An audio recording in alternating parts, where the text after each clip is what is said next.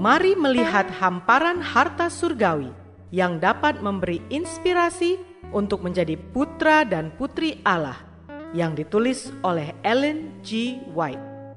Melalui renungan pagi ini, kita akan mempelajari nasihat yang menguatkan dan memberi semangat untuk memperbaiki karakter kita. Bersama Mana Multimedia Ministry, selamat mendengarkan.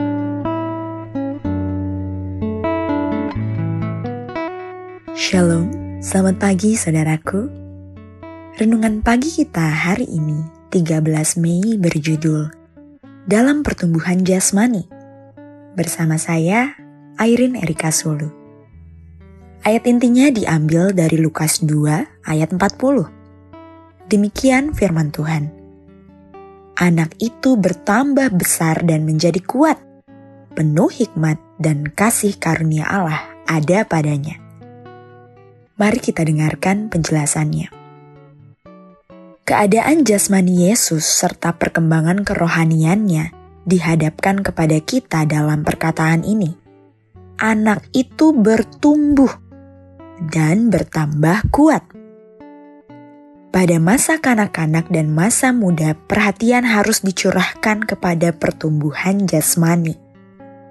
Para ibu bapak harus melatih anak-anak mereka dalam kebiasaan-kebiasaan yang baik, makan, minum, berpakaian, dan gerak badan sehingga suatu dasar yang baik akan diletakkan untuk kesehatan yang baik dalam hidupnya di kemudian hari.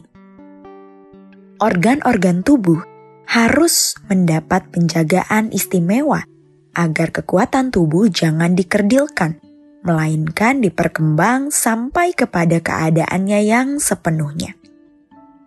Ini menaruh anak-anak kita dan orang-orang muda dalam keadaan yang menguntungkan, sehingga dengan pendidikan keagamaan yang tepat, mereka boleh bertambah kuat dalam roh seperti Kristus. Banyak orang mengklaim bahwa adalah perlu bagi pemeliharaan kesehatan jasmani untuk memanjakan diri dalam permainan yang bersifat mementingkan diri. Memang benar bahwa perubahan diperlukan untuk perkembangan tubuh yang sebaik-baiknya, karena pikiran dan tubuh disegarkan dan dikuatkan oleh perubahan.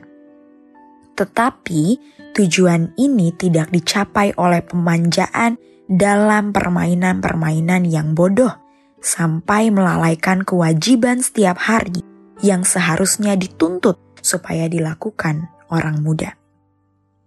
Pikiran dan tangan yang giat dari orang-orang muda harus mendapat pekerjaan dan kalau mereka tidak diarahkan kepada tugas-tugas yang berguna yang akan mempertumbuhkan mereka dan memberkati orang-orang lain, mereka akan mendapat pekerjaan dalam apa yang akan mengerjakan bencana kepada mereka, baik jasmani maupun pikiran. Sebagaimana Yesus bekerja pada masa kanak-kanak dan pada masa muda, pikiran dan tubuh diperkembangkan. Ia tidak menggunakan kekuatan tubuhnya secara serampangan, melainkan dengan begitu rupa sehingga menjaganya tetap sehat, agar ia dapat melakukan yang terbaik dalam segala macam pekerjaan.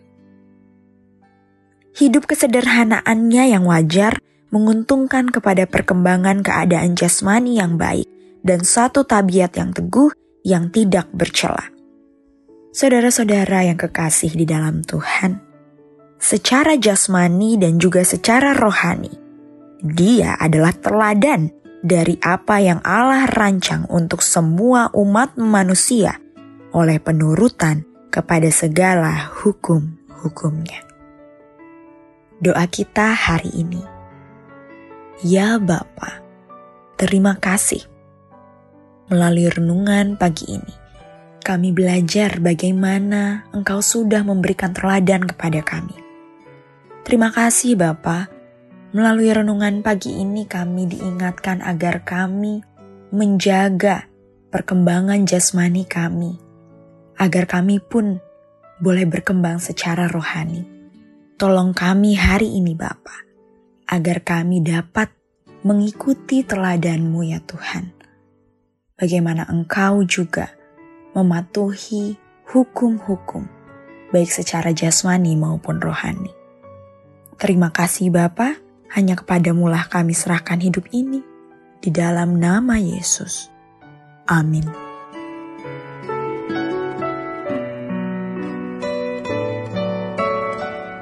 Demikianlah tadi pembahasan tentang menjadi putra dan putri Allah. Semoga firman Tuhan hari ini menjadi berkat bagi Anda. Sampai jumpa, Tuhan memberkati.